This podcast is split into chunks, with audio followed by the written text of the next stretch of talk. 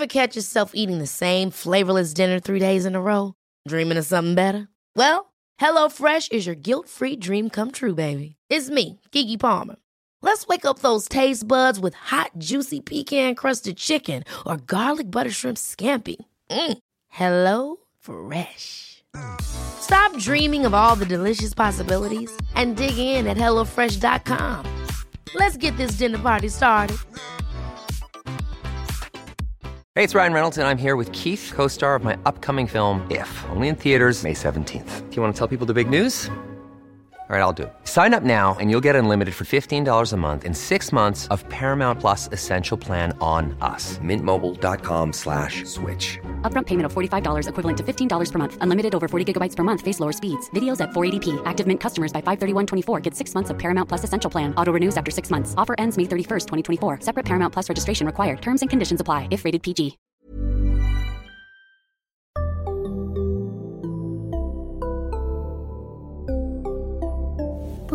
Barnpsykologerna. Välkomna till Barnpsykologerna. I det här avsnittet tänkte vi diskutera ett ämne som ofta dyker upp och det är det här om att uppfostra barn lite så generellt och sätta upp regler och hur man gör för att få de här reglerna att efterlevas. Och en fråga som vi ofta hör, både du och jag, är väl det här, får man uppfostra barn? Alltså, Överhuvudtaget. Ja, precis. Ska man uppfostra barn? Och alternativet är väl då att ska barn bara få växa i den riktning de växer och på något sätt uppfostras av livet liksom. Och, vad tycker du? Den där frågan dyker upp för mig när jag föreläser om autismbehandling. Ja. Eftersom det handlar väldigt mycket om regler och så konsistenta regler och när barnet gör så så ska föräldern göra så. Och då har jag alltid tänkt att det är ett missförstånd att man tänker att det, att det går att ha en relation till ett barn utan att ha regler eller utan att uppfostra det. Så tänker jag också. Jag, jag tänker så här, vad är det egentligen man lägger i ordet uppfostran? För det kanske har blivit ett ord som är lite fult på något vis, som implicerar typ sträng, Straff. straff. Ja, Låter det som. exakt. Men jag, jag tänker också så att hur, hur skulle man inte kunna uppfostra barn som man lever med? Om man då tänker att uppfostran är någon slags begrepp av att forma, förklara, visa vägen, instruera, korrigera. Ja men bara mod- modellera är ju en Ja. del av uppfostran. Bara visa ett beteende som man själv gör så kommer barnet att imitera det. Absolut. Exakt. Så vårt svar blir väl ja. Så länge uppfostran är, inte är sträng och straff utan snarare Exakt. eh, visa vägar och Och typ så. lära smarta strategier. Så det här är ett bra sätt att göra en morgonrutin. Då funkar det. Ja, Så. Det är väl ett sätt också att undvika konflikter för att barn kan vara, tänka på kortsiktiga förstärkare mer än långsiktiga och fastna i någon snödriva hellre än att behöva komma hem. Då är det ju den vuxens liksom, uppgift är väl att se till så att, den, så att det finns tid att titta lite på snödrivan och ändå hinna i tid. Vara. precis. Och, och kompensera för barns i låga åldrar bristande tidsuppfattning, konsekvenstänkande och liksom Mm. lära barn hur man gör. Mm. Är det väl. Och det är klart att då kanske vi touchar den här frågan om måste man anpassa sig in i något samhällsmönster och så. Eh, Det kanske Ja, som jag pratade om med autism, Ja. hur mycket man ska anpassa. Precis. Och även andra ångestproblem och så kan man inte få undvika saker om man tycker det är jobbigt och så. Men någonstans så lever vi väl ändå i den värld vi lever och det är den barn, barnet också ska leva i. Sannolikt om de inte gör helt andra val. Men är inte det lite som eh, att uppfostran låter negativt? För att om man tänker i alla fall som man jobbar med beteendeterapi så har beteendeterapin haft en bitvis ganska mörk historia av att uppfostra folk i en dålig mening och kanske också det här med att anpassa eh, barn i en dålig mening. Det gjordes lite studier på 70-talet till exempel när man skulle lära barn med autism dels barn med autism så prioriterade man jättekonstiga beteenden så att de skulle lära sig sminka sig och sånt. För att man prioriterade att de skulle lära sig prata. sånt. Eh, och det gjordes också lite studier. Samma kille som uppfann den här beteendeterapi för barn med autism jobbade också en del på att ta bort alldeles för feminina beteenden hos en eh, åttaårig pojke. Publicerade studier på det. Så, här, så att han skulle bete sig ordentligt och manligt. Liksom. Och publicerade på det i vetenskapliga artiklar. Där har ju såklart lämnat spår av att beteendeterapi har lånat sig åt ganska konstiga värderingar. Och så, det, så, är det, så har det varit liksom. De där värderingarna har blivit uppdaterade sedan 70-talet. Precis, och att en metod kan användas på ett knasigt sätt men det behöver inte bero på att metoden i sig är dålig. Eller liksom. Exakt. Jag tänker också det här som kanske några lyssnare har hört talas om, skinnerboxar. Ja. Där en av beteendeterapins grundare hade sitt byggde någon slags litet en liten säng med bur eller Alltså, det här är en glas. förvirring. Det här är två saker. Skinnerbox Okej. är ju det det kallas när man sätter i en duva eller en råtta eller ett Just annat det, djur i en det. liten låda och så finns det spakar och lampor som tänds och då ska den trycka på den spaken. Det är ju en skinnerbox i den tekniska Och meningen. används i experimentellt syfte. Precis. Och en skinnerbox i teorin kan ju vara typ ett dataprogram där du ska trycka på olika knappar. när- För att nå olika för att mål. nå olika förstärkare. I någon mening är typ de flesta dataspel skinnerboxar. Mm. I den teoretiska meningen. Och sen fanns, gjorde han ju den här lilla barn, som en, vad heter det på engelska, heter det crib? Ja, någon slags liksom barnsäng. En liten som- barnsäng som skulle vara så perfekt tempererad. Och, Och säker och så här, ingen risk att falla ut. Och Exakt. torrt och fräscht. Och... Så, sånt där som de på 50-talet tänkte var det viktigaste för barnuppfostran. När man inte tänkte typ kroppskontakt var en viktig variabel. Eh, Och han, i alla fall ett av hans barn växte upp i en sån där, alltså växte upp, var där Sov några timmar Mm. per dag. Liksom. Som jag faktiskt har träffat. Är det sant? Jag har träffat henne. Det, det som en sektgrej, man tycker att det är häftigt. Eh, Men Men hon är var, en ganska välfungerande vuxen va? hon var en välfungerande vuxen, absolut. Och jag vet att det är några i Norge som har byggt egna såna här nu på ganska sistone. Mer som någon sorts spex och har sina barn dem. Det Ja. kanske kommer igen då. Det kanske kommer igen, precis. En ny trend. Mm. Och så säljer de på Ebay. Men okej, vi sammanfattar. Vi tycker att man ska uppfostra barn, men ehm, uppfostran, man kanske får fundera över vad man lägger i begreppet. Ja, Men man just det. behöver stötta barn i sin utveckling på något sätt. Stötta, ba- ja precis, och stötta och liksom möjliggöra utveckling handlar det om. Ge Mm, tillfälle precis. för inlärning och liksom intressanta situationer. Exakt. Nu tycker vi i alla fall att det är rimligt att ha lite regler för Ja. sina barn. Så. Vilka regler är det man ska ha då? Vad är det för områden du tycker att man ska ha? Ja, men det där är ju också en svår och känslig fråga. Först och främst så tycker jag att det är bra ändå att, bara säga de allra flesta barn tycker faktiskt om att få regler så länge reglerna är rimliga. Liksom. Men det, det är någon, en trygghet för många barn att veta vad som gäller, både små barn och stora barn. Sen kan ju barn opponera sig mot regler men det behöver inte betyda att de inte vill ha några. Utan det är liksom lite grann I vissa åldrar så är det lite barnets jobb att opponera sig mot en regel. Men om det inte fanns några så skapar det ofta nästan en, en otrygghet hos barn att inte veta. Det är som att liksom ett rum utan väggar på något vis. liksom. Men regler låter också lite som rutiner nu. Ja, och det kan det ju vara. Eh, på, så på frågan, så, vad är det för regler? Jag tänker att regler kan ju handla om allt ifrån eh, när man ska gå och lägga sig på kvällen till att hjälpa till hemma, dela på ansvaret för hushållsuppgifter eh, och kanske typ inte röka och dricka eller i alla fall inte innan man lagligt får. Och också Eh. typ så här, man biter inte andra barn eller ja, man klättrar inte upp i bokhyllor. Sådana regler. Sånt kan ju också vara, precis. Mm. Och eh, skärmtid är väl en sån här Mm. regel som många brottas med. Mm. Om man ska Eh. ha regler på det eller inte. Ja, precis. Exakt. Och hur, vilka regler man i så fall ska ha. Mm. Så. Vi kommer tillbaka till den tycker jag, för Ja, den det är lite jätte- viktig. Ja, jag tror att för många så är det också en, en fråga som, men okej, vilka regler ska vi ha och vem ska bestämma vilka regler vi ska ha? Det kan vi väl också eh, ge några tips om kanske. Ja.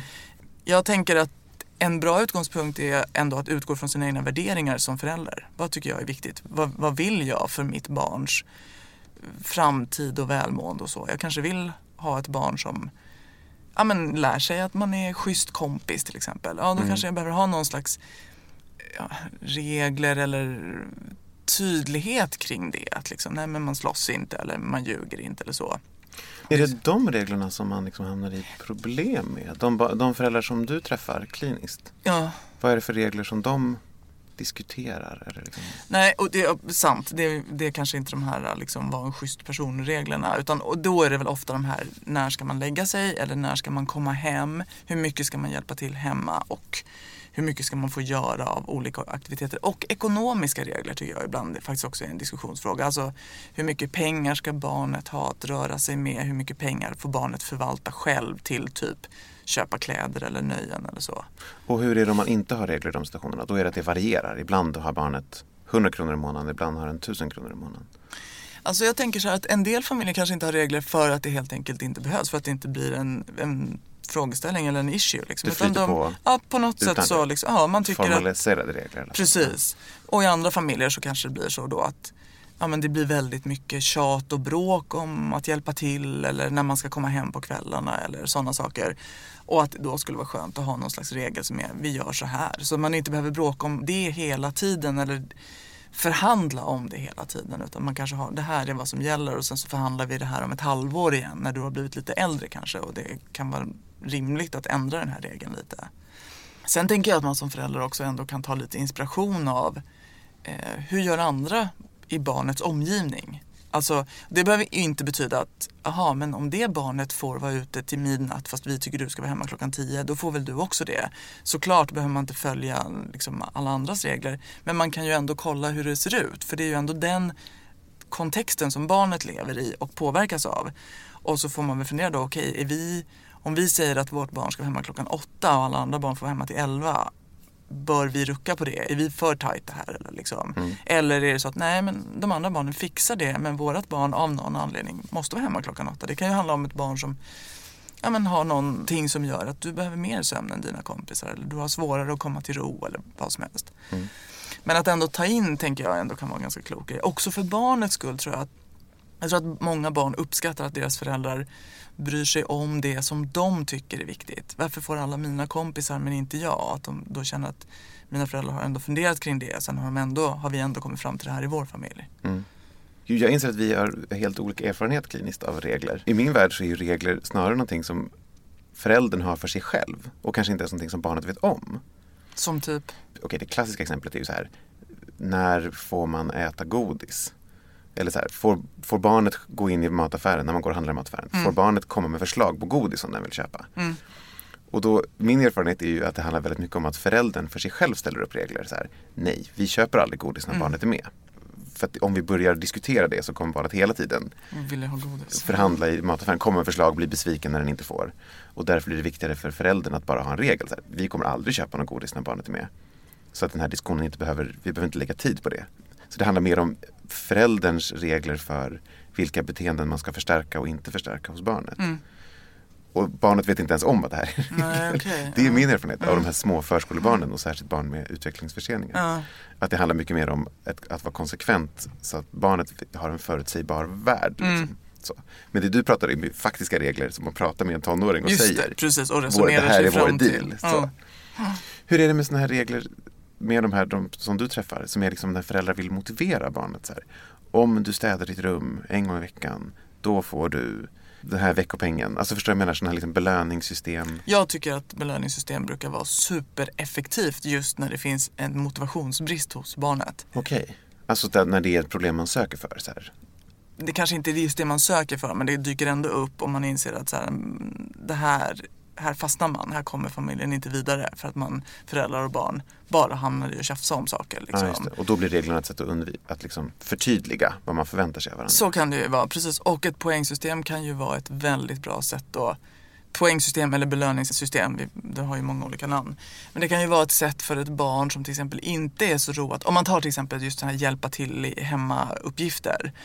Där, som barnet kanske tycker är supertråkigt men inte heller riktigt inser poängen med. Alltså för ett barn som inte liksom har jätteutvecklat konsekvenstänkande så är det kanske inte självklart att om inte vi sätter in i diskmaskinen ikväll och sätter på den då kommer vi inte ha någonting att äta på imorgon bitti. Utan barnet kanske tycker att det spelar ingen roll om det står där, nu går vi och kollar på TV. Det, sitter vi och kollar på TV ser vi inte ens disken. Då kan ju ett poängsystem vara någon slags motivation för barnet att okej, jag, jag gör inte det här för att vi ska ha ren disk imorgon för det har jag inte ens reflekterat över. Men jag vet att jag får en liten stjärna eller en 10 poäng eller någonting och det vill jag ha. Och sen kanske barnet i takt med ökad utveckling och ålder inser att det är himla smidigt att ha ren disk på morgonen. Och då är det inte poängsystemet längre, då behövs inte det. För då har barnet vuxit ikapp konsekvenstänkandet. Ja, det. Men i väntan på det så tycker jag, i min erfarenhet, att poängsystem är en väldigt bra genväg. Liksom, för att det gör saker som inte är så intressanta för barnet mycket mer intressanta.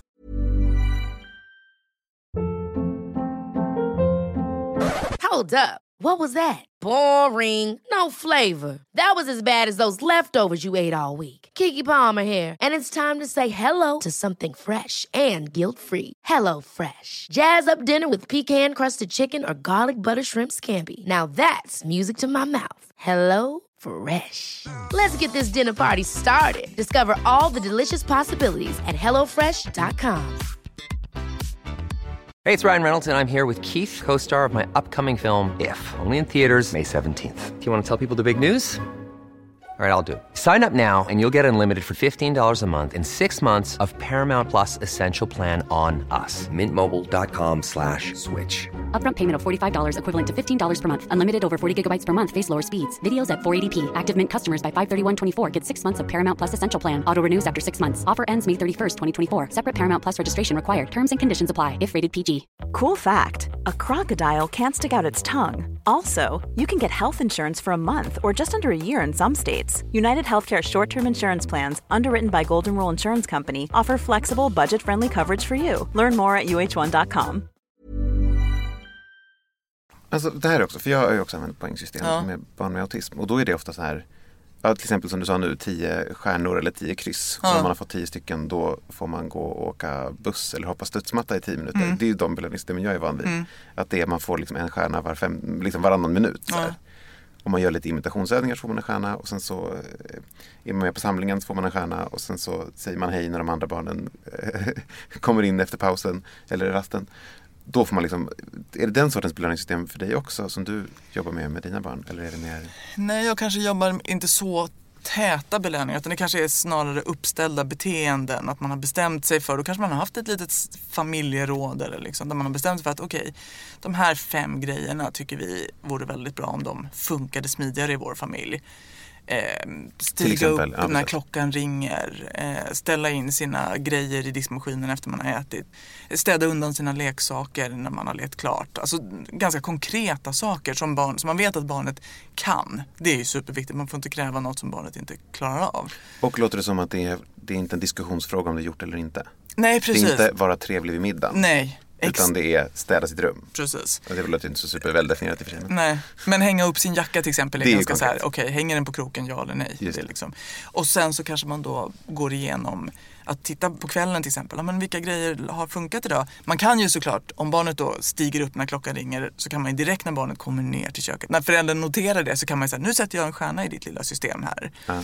Men man kan också på kvällen gå igenom hela dagen och säga, men de här fem grejerna, det blir fem stjärnor idag då, för det har funkat. Och sen kanske man till exempel en gång i veckan byter in de där, alla veckans stjärnor mot någonting då. Typ då, vad är liksom vanlig slutförstärkare som barnen väljer? För jag antar att det är barnen som själva Ja, väljer vad de vill. De ska ju välja. Ibland kanske det är så att poängen går att läsa in mot någon liten sak som barnet vill ha. Eller eh, att det motsvarar någon form av eh, pengar. Alltså säg 20 stjärnor motsvarar 10 kronor och då får barnet 10 kronor och sen kanske barnet samlar till någonting för sina pengar och så kanske det tar tre månader innan man kan köpa den saken men det växer på kontot. Finns det inte, det här som alla tänker nu, som jag också hört när man undervisar.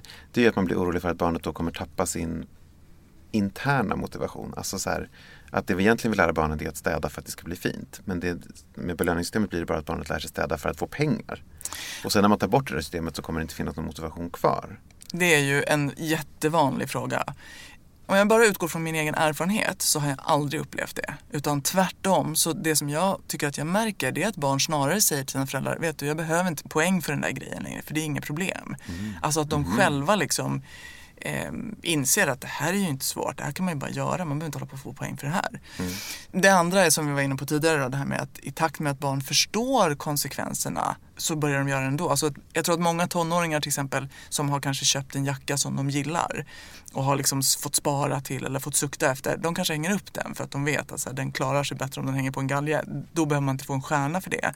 Men om man kanske är fem och har bråttom in för att leka med sitt lego när man kommer från skolan eller förskolan. Då kanske man inte alls förstår varför inte en jacka kan ligga på golvet. Och då kanske det behövs en stjärna för att liksom Därför att man som förälder inte vill vada jackor när man kommer in genom dörren. Eller, liksom, eller inser att de blir förstörda eller så. Så att det blir någon slags här, lite vikarierande motivation i väntan på att saken ska bli intressant. s- För dess verkliga syfte liksom. Sen är det ju en sak till, det kanske Mm, var det du var på väg att säga nu. Nej, antagligen inte.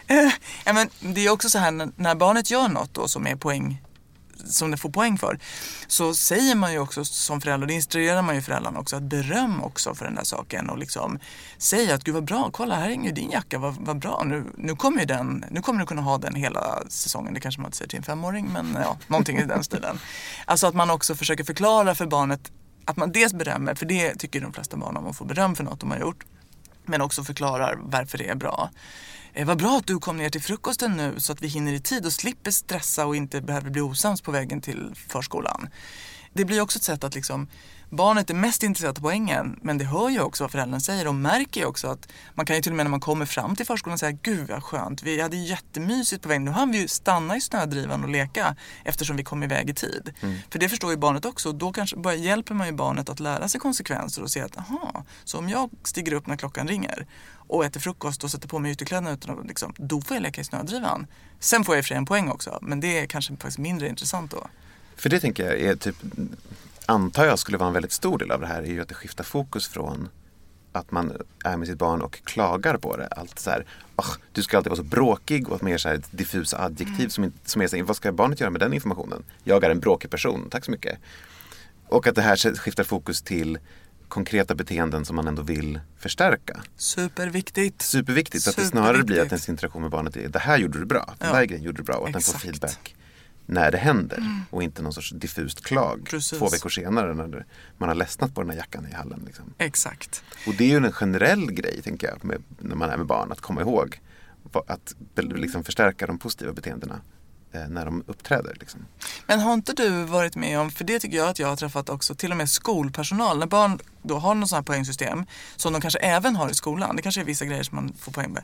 Hur förskolepersonal och skolpersonal kan säga till föräldrarna, det har jag för aldrig hört direkt till mig utan föräldrarna rapporterar, att de just upplever den effekten också. De slutar tjata på det här barnet och börjar berömma barnet och tycker att det blir så himla mycket mysigare. Mm. Jag har aldrig tänkt på det. Men okej. däremot med studenter som gör sådana här små studier hemma. De brukar ofta säga det. Att det Ah, alltså fokus. studenter som är föräldrar och testar på sina Eh, Ja, barn, eller liksom. studenter som är sambos som gör grejer för sina, sina sambos. Kan det också Ah, sånt. En annan grej som, bara, som jag alltid måste nämna när jag nämner sådana här belöningssystem, Ja. för att det är så många som gör fel på det. Det är det här med att man inte får, om man inte tänker efter när man gör det här målsystemet, att man börjar hota barnet. Mm. Att man säger så här, om du inte hänger upp jackan då får du ingen stjärna. Eller så här, nu hängde du för sig upp jackan men någon annanstans slängde du bort dina skor så då tar jag bort stjärnan igen. Och att man börjar använda ett belöningssystem som ett straffsystem. Och att det, bara så att man, det vill bara nämna, för det är så lätt att folk har sett belöningssystem in action felanvändas. Och då tycker man att det där är ju bara en straffmetod. Och det är för att folk felanvänder det. Och att det får man inte göra. Man får bara sätta dit stjärnor när det händer bra saker. Och händer det också någonting dåligt, då kan inte den stjärnan ta till, tas tillbaka. Exakt, jag nickar bifall så jag snart får nackspärr här. För Ja, det är exakt det- det, det är superviktigt. Och ännu en grej som också faktiskt är rätt viktig, det är det här att man inte tänker, för en del kan ju säga så här, men det, vi kommer inte ha råd med ett sånt här poängsystem. Och att det är viktigt att komma ihåg att det som barnet får behöver inte vara dyra grejer eller så. Men det vadå, kan vara- oftast är det väl att få spela ett spel med sin förälder. Eller typ välja vilken bok vi ska läsa när vi nattar. Eller en extra bok Ja. när vi nattar. Eller precis, alltså saker som mer kanske är tid och mys och gos. Liksom. Alltså precis. kvalitetstid med Ja. sina föräldrar brukar väl, gissar jag, är typ de bästa förstärkarna. Jag brukar avråda från att ge dyra fina saker för risken är ju till exempel, om det inte är ett barn som är äldre, men risken är att man kanske så här ganska snabbt så får barnet någon leksak som det jättegärna vill ha. Och sen är det så här, nej men jag behöver inte samla mer poäng för jag har redan fått den här grejen, nu är jag glad, nu leker jag med den. Plus att jag leker mycket hellre med den här grejen än håller på och hänger upp min jacka eller Ja, eh, sätter in i diskmaskinen. Jag har ju fått en rolig grej här som jag vill ha. Det är Så- därför social interaktion är en så bra förstärkare. För den är man alltid högt på. Ja, exakt. Eh, Men du Liv, om man vill ha lite mer konkreta råd med det här, då har ju du skrivit en bok som handlar om bland annat regler och lite Eh, belöningssystem. Sant. Föräldrahjälpen har jag skrivit. Som man såklart gärna får köpa och läsa. Men också faktiskt en viktig poäng med det där, det här med poängsystem som vi sa. Många har hört om det, många har hört det användas fel. Eller kanske till och med testat och inte lyckats så bra. Det är väldigt, väldigt bra. Men det är lite det är inte så lätt som det låter så det kan vara klokt att läsa på lite faktiskt innan man ska genomföra ett poängsystem i sin egen familj. Och ha lite koll på fallgroparna för de finns där och de är ju sådana som kan göra att man det är ju en kombination av att man måste känna barnet och veta hur man sätter upp de här systemen Exakt, smart. precis. Det ena eller andra räcker liksom inte. Just. Det är en bra poäng. Och då får man gärna läsa min bok om man vill. Vi lägger upp den på Facebook på Barnpsykologerna så kan man se den där. Bra. Dagens avsnitt. Vi tycker att man ska uppfostra barn. Att man, eller så här, vi tycker att man egentligen alltid uppfostrar sitt barn. Ja. Vare sig man gör det medvetet eller bara slumpmässigt. Sant. Så. Vi tror att barn behöver regler. Men vilka regler måste man välja utifrån sin familj och sina värderingar och sitt barn. Och, och det finns sätt att hjälpa barn att följa regler på ett sätt som de tycker att blir roligt och meningsfullt. Yes. Det låter fantastiskt. Ja, verkligen. Tack för idag. Tack för det. Hej då. Hej då.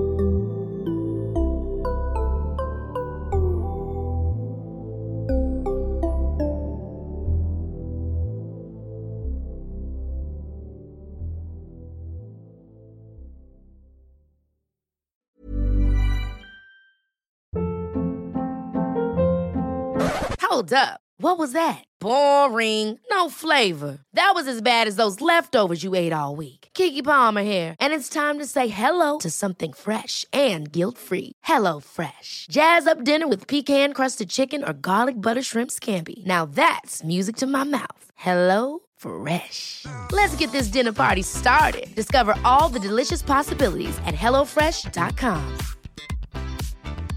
Hi, I'm Daniel, founder of Pretty Litter. Did you know cats tend to hide symptoms of sickness and pain? I learned this the hard way after losing my cat, Gingy. So I created Pretty Litter, a health monitoring litter that helps detect early signs of illness by changing colors, saving you money and potentially your cat's life. Pretty Litter is veterinarian developed, and it's the easiest way to keep tabs on your fur baby's health right at home. Go to prettylitter.com and use code ACAST for 20% off your first order and a free cat toy. Terms and conditions apply. See site for details.